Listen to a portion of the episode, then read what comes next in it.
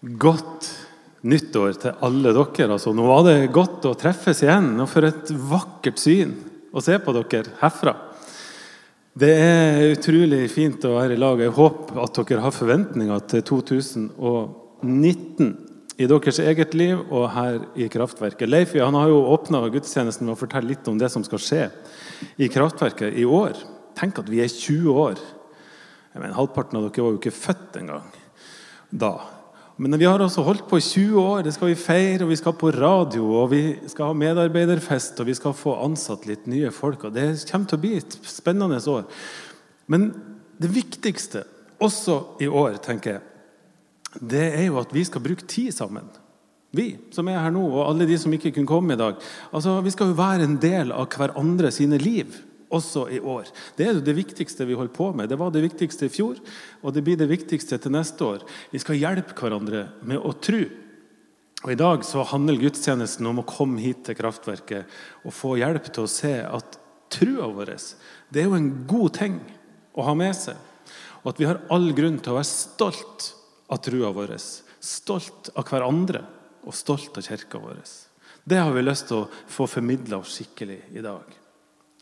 Har dere hørt om en fyr som heter Colin Capernick? Nei. Han er kjempekjent. Det er bare én bergenser bakerst som har hørt om han. Men han ble verdenskjent for to år siden, sånn cirka. Han er en farga mann, flott fyr, som spiller amerikansk fotball. For to år siden ble han kjent over hele verden. Og Grunnen til det, det er jo at når man synger nasjonalsangen, i hvert fall den amerikanske, da skal alle røyse, og så skal man vise ære til flagget og til alt mulig rart. Men før en kamp så blir altså nasjonalsangen spilt, og Colin Kaepernick han røyser ikke, men han går ned på kne. Og Da han ble intervjua etterpå, så sa han nei, jeg kan ikke stå når vi spiller den amerikanske nasjonalsangen, for jeg har ikke noe respekt for de greiene der lenger. Jeg vil heller sette fingeren på sosial og økonomisk urettferdighet, og spesielt så vil jeg fortelle verden at det ikke er greit at politiet skyter masse svarte folk sånn at de dør, uten at de blir stilt til ansvar for det. Så Derfor så røyste jeg meg ikke. Jeg satte meg på kne. Dette skjedde for to og et halvt år siden. ca.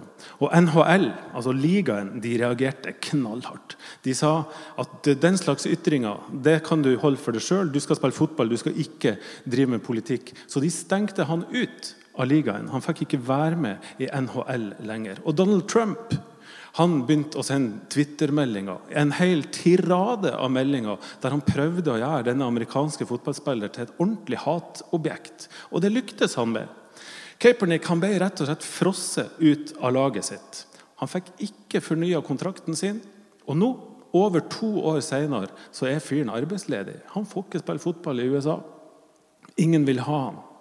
Det er altså noen hvite klubbeiere som har valgt å stenge ute en svart spiller som helt stille og forsiktig har protestert mot sosial urettferdighet og mot politidrap på mørkhuda amerikanere. Men sist høst så skjedde det noen ting. Nike, dere vet, de som lager sko og sånn, de hadde en reklamekampanje. De skulle feire 30-årsjubileum for slagordet sitt 'Just do it'. Og hva gjør de? Jo, de velger Colin Kaepernick som frontfigur i denne kampanjen. Og jeg tror dere har sett det bildet. Det er et digert svart-hvitt-bilde av ansiktet til Colin Kaepernick som fronta denne kampanjen. Og Det bildet er vist verden over, overalt. Og oppå bildet av ansiktet så står denne teksten. Tru på noen ting, sjøl om det betyr at du ofrer alt. Just do it. Tru på noe, sjøl om det betyr at du ofrer alt. Og La meg nå bare føye til at Nike altså de valgte jo ikke Kaepernick fordi at de ønsker å være så politisk korrekt og så politisk bevisst, eller fordi Nike liksom står på de svake sider eller er så himla idealistisk. Nei, Nike det er kyniske businessfolk. Ferdig snakka. De har ett mål. De skal tjene penger. Sånn er det med den saken. Men likevel så syns jeg at det er litt artig at denne kampanjen den går som et skudd den går ordentlig ordentlig bra. Riktignok er det en del republikanere og en del sånn hvite overklasseamerikanere som brenner Nike-sko og Nike-effekter for tida. Det er jo litt artig. Men unge folk i USA, svarte i USA, aktive, fysisk aktive i USA, og nesten alle som ikke bor i USA, de sørger nå for at omsetninga til Nike det går til topps for tida. Det går ordentlig bra for Nike pga. dette her, fordi det er kred å gå med Nike. Hvis du går med Nike-sko for tida og dere er jo mye mer motebevisst enn meg, det er i hvert fall bra sikkert, men jeg kan jo lære dere dette, at hvis dere går med Nike-sko for tida, så viser du liksom at du står for noe. Da står du for noe. Da har du ryggrad, sånn som Colin Kaepernick. Det er det de prøver å formidle med denne kampanjen. Og det lykkes så bra. Just do it. Tro på noe sjøl om det betyr at du mister alt. Hva hadde skjedd, tror dere, hvis alle kristne tenkte sånn og hadde en sånn innstilling? Just do it. Tro på noe, sjøl om det betyr at du mister alt. Jeg har tidligere sagt Åh, oh, nå mista jeg blikket til dere med en gang. jeg ser det. Nå får dere dårlig samvittighet. Dere er i kraftverket nå. Her er det ingen som skal ha dårlig samvittighet. Bare slapp av. Jeg har tidligere sagt til dere at én av fem nordmenn er altså skeptisk til kristne.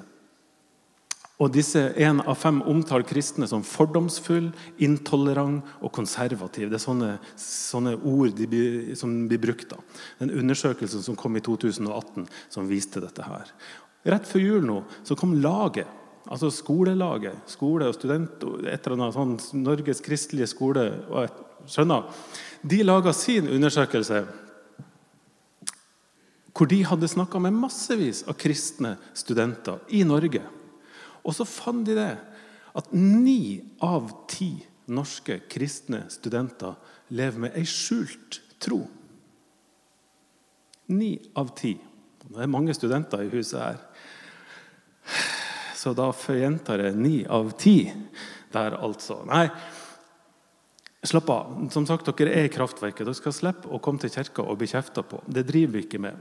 Og dette her gjelder jo ikke bare for studenter. Dette gjelder jo oss alle. Hvem er det som ønsker å bli betrakta som fordomsfull og intolerant? Opp med handa, liksom.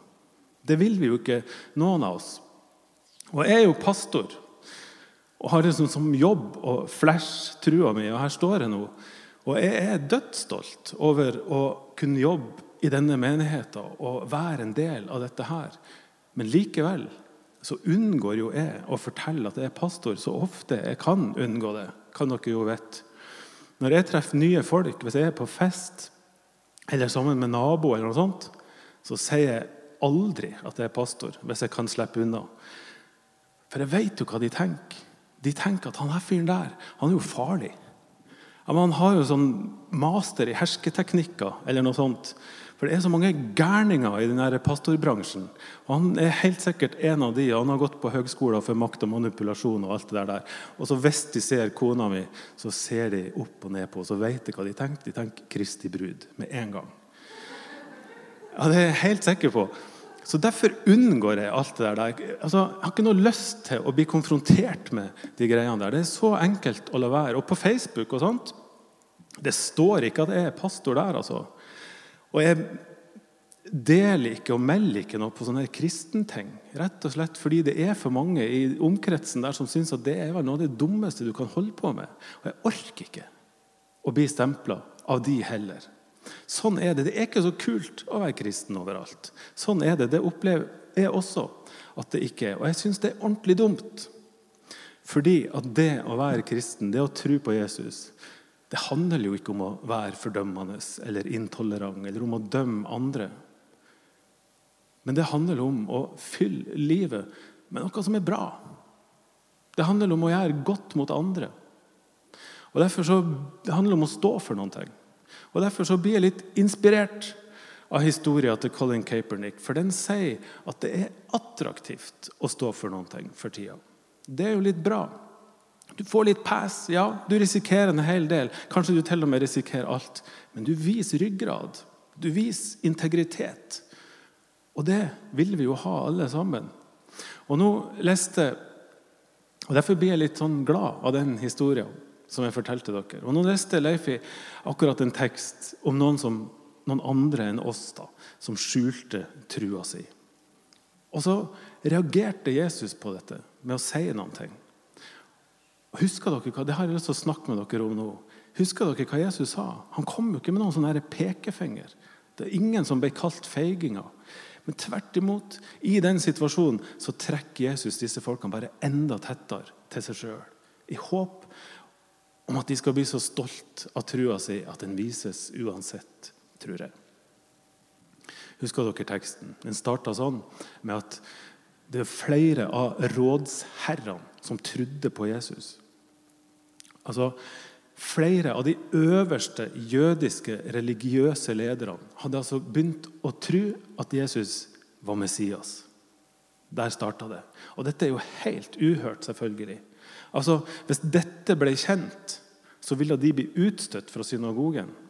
Altså, De vil mest plassen sin, de vil mest all troverdighet, de vil mest status. Sannsynligvis ville de mest levebrødet sitt. Så av frykt for fariseerne så holdt de dette skjult, leste vi. Kostnadene var så store at det beste var å sitte helt stille i båten for disse høye herrene. Dette er bakteppet. Og det er i denne situasjonen at Jesus har noen ting han vil si. Og det han har å si, det er så viktig at han ropte ut, sto det. Og husker dere hva han ropte?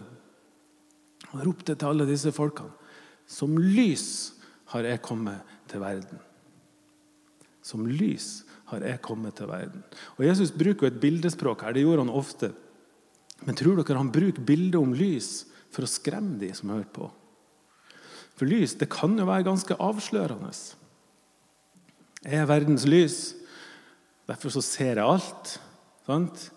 Jeg ser også de tingene dere vil holde skjult, det dere skammer dere over. Så bare pass dere. Jeg vet hvordan det står til, for jeg er lys. Jeg skinner gjennom dere helt og totalt. Jeg vet hva som befinner seg der. Lys kan være en trussel. og det er derfor Jesus brukte dette bildet? Jeg tror ikke det. Jeg tror tvert imot at han brukte bildet av lys fordi lys er noe som vi tiltrekkes av. Lys er jo noe bra. Og Jeg regner med at alle dere har opplevd å sitte ute en mørk sommerkveld på balkongen eller i hagen eller i en park eller et eller annet sted, og så kommer myggen og flue og nattsvermere og hva det er for noe. alt det der. Rundt et utelys så kan det jo være hundrevis av insekter som samler seg rundt dette lyset. Og Vet dere hvorfor insekt samler seg rundt lys? Hvorfor de blir så tiltrukket av lys på mørke sommerkvelder? Det vet jeg, for det har jeg googla. Og nå skal dere jammen få høre. Det ene som gjør at en del insekter blir tiltrukket av lys, det er varmen som lyset gir. Det er godt å være i nærheten av det varme lyset. Derfor drar de dit. Det er én grunn. En annen grunn er at også for insekter så er synet det er en viktig sans. Og lyset det lyser opp, så de ser. De ser ikke i mørket, men de går mot lyset, fordi da ser de rundt seg på en helt annen måte enn det de gjør i mørket. En tredje ting det er også at lys er noe de navigerer etter. Lyset er et holdepunkt som forteller dem hvor de er og hvor de skal, og som de kan navigere ut ifra. Derfor så søker de mot lyset for å ha et utgangspunkt for hvor de skal fære hen. Og Den siste tingen det er sosialt. Når de, de, Rundt lyset er det masse andre insekter. Så de treffes rett og slett der for å pare seg, disse insektene. Det står på Google. Men ser dere det, da? Disse fire tingene, også den siste tingen, det er jo gode ting. De trekkes mot lyset fordi det er noe som er bra med dette lyset. Der får de noe som de vil ha, noe som de trenger, og som gir livet mening og gjør det bra. Og Jeg tror at Jesus bruker bildet av lyset nettopp derfor, for at han ønsker at vi skal bli tiltrukket av lyset. Akkurat sånn som de samme grunnene som disse insektene blir tiltrukket. Og kanskje bortsett fra det aller siste der, det der med paringa. Jeg har ikke tenkt å tilby dere noen parallell. Får dere heller tenke deres egne tanker. Men poenget er at det å følge Jesus, det er jo å følge en varme. Det er å følge en omsorg, en kjærlighet som verden aldri har sett maken til. Verken før eller senere. Det å følge Jesus det hjelper oss jo å se ting. Se det som er rundt oss, på en helt ny måte. De som følger Jesus, må jo se med kjærlighet på alt og alle som er rundt. For et nytt blikk. Jesus er et holdepunkt som vi kan navigere etter i alle livets utfordringer. Og sjøl om vi skal holde paringa utafor, så samler Jesus folk som tror på han, og gir oss et fellesskap som vi trenger. Gode ting. Og alle vi vet hva mørket er for noen ting. Vi vet hva det er å være sint, og hva det er å være fortvilt og ha angst eller ha sorg. Og døden det er vel det mørkeste vi kan forestille oss i det hele tatt. Og dårlig nyhet, dit havner vi alle sammen, før eller seinere. Vi skal dø. Men ingen som tror på meg, sier Jesus, skal forbli i mørket. Altså, Det er ikke mørket som skal prege deres liv. Ingen av dere skal forbi i mørket, sier Jesus. Jeg tilbyr et alternativ. Jeg tilbyr lys. Jesus er til og med i stand til å fylle døden med lys og med liv. Og til slutt så sier Jesus at jeg har jo ikke kommet for å dømme dere, men jeg har kommet for å frelse dere. Og Nå håper dere ser at Jesus sin reaksjon på dette bakteppet her, det er jo at han tegner et bilde av hva det vil si å følge han. Og det bildet er godt. Det er et positivt bilde. Det utvider perspektivet på både livet og døden. Det begrenser ikke livet å følge Jesus, men det er noe som gjør det rikere. Det er det han prøver å få sagt her, tror nå jeg. Og da tenker jeg at det er så ufattelig trist at kristne blir oppfatta som fordomsfulle og intolerante og alt dette her. Det er jo ikke sånn det skal være. Det er jo ikke sånn det er. Og hvorfor har det blitt sånn? Ja, Det får vi snakke om en annen gang. Det er mange grunner til det. Men la oss i hvert fall si det sånn at det er i hvert fall ikke Jesus sin feil. I kirkeåret nå så er vi i åpenbaringstida.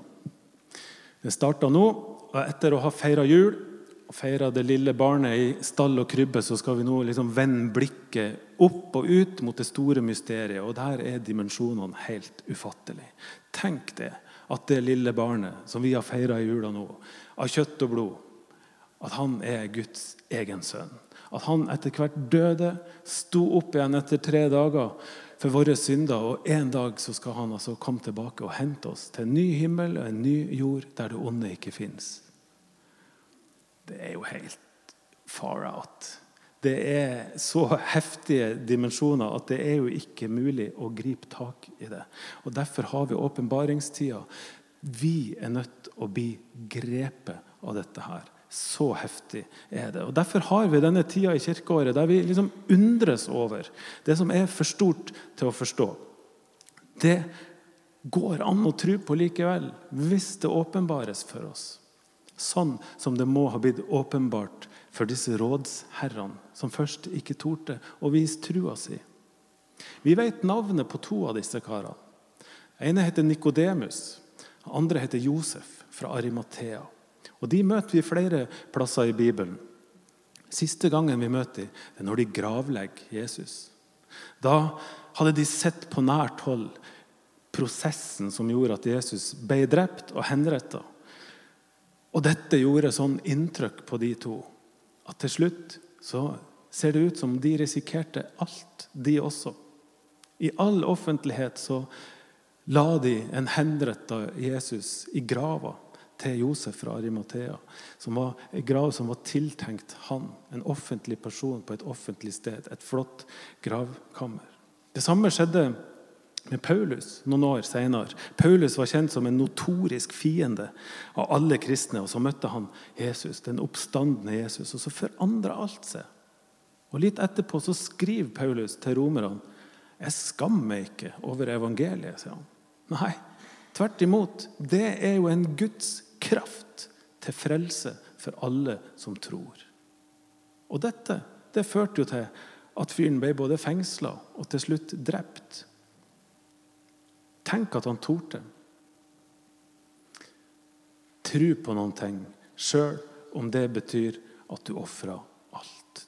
Just do it. Det er et heftig slagord. Og det er heftig å vite at så mange mennesker tror så sterkt på noe. Og har trodd så sterkt på noe at de er villige til å ofre status og penger og jobb og karriere og til og med livet. Sånn som de første kristne gjorde, sånn som Paulus gjorde. Sånn som disse rådsherrene etter hvert. Så risikerte de alt. Colin Kaepernick er også et sånt eksempel, om enn i en annen Selv om det ikke handler om tru.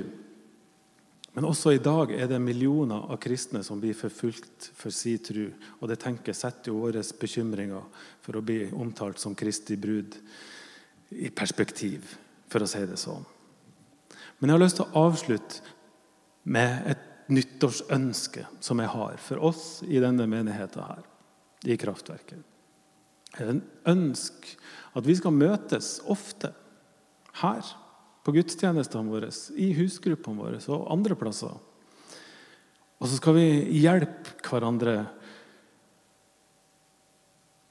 ikke først og fremst til å bli tøff, tøff i trynet, og bli tøff nok til å kunne flashe trua vår overalt. Det er ikke det vi holder på med. Men jeg har et stort ønske om at vi skal komme sammen og hjelpe hverandre til å se at det å tro på Jesus, det er en god ting. Det er noe som beriker livene våre. Det er noe som fyller livene våre med lys. Det er ikke noe som begrenser oss. Tvert imot. Det er noe som gir livet verdi og mening, og noe som vi kan være ordentlig stolt av. Det har jeg lyst at vi skal møtes og hjelpe hverandre til å se. Og hvis vi gjør det, da tror jeg at trua vår kommer til å vises uansett. Da tror jeg at eh, trua kommer til å skinne i og gjennom livene våre så mye at skeptikerne skal få seg en overraskelse. Fordomsfull og intolerant, dere. Ærlig talt. Det er ikke det vi driver med. Det å tro på Jesus det er noe helt annet. Så la oss møtes og hjelpe hverandre til å se det i 2019. Er dere klar? Et lite sånn diskré kraftverkenikk. Herlig, altså. Da har vi en deal. Så skal bandet spille Jeg tror det er en god, gammel countrylåt. Jeg mener det er Hank Williams som laga den. I hvert fall han spilte den en gang. I Saw The Light. Og så skal vi ha nattvær etterpå.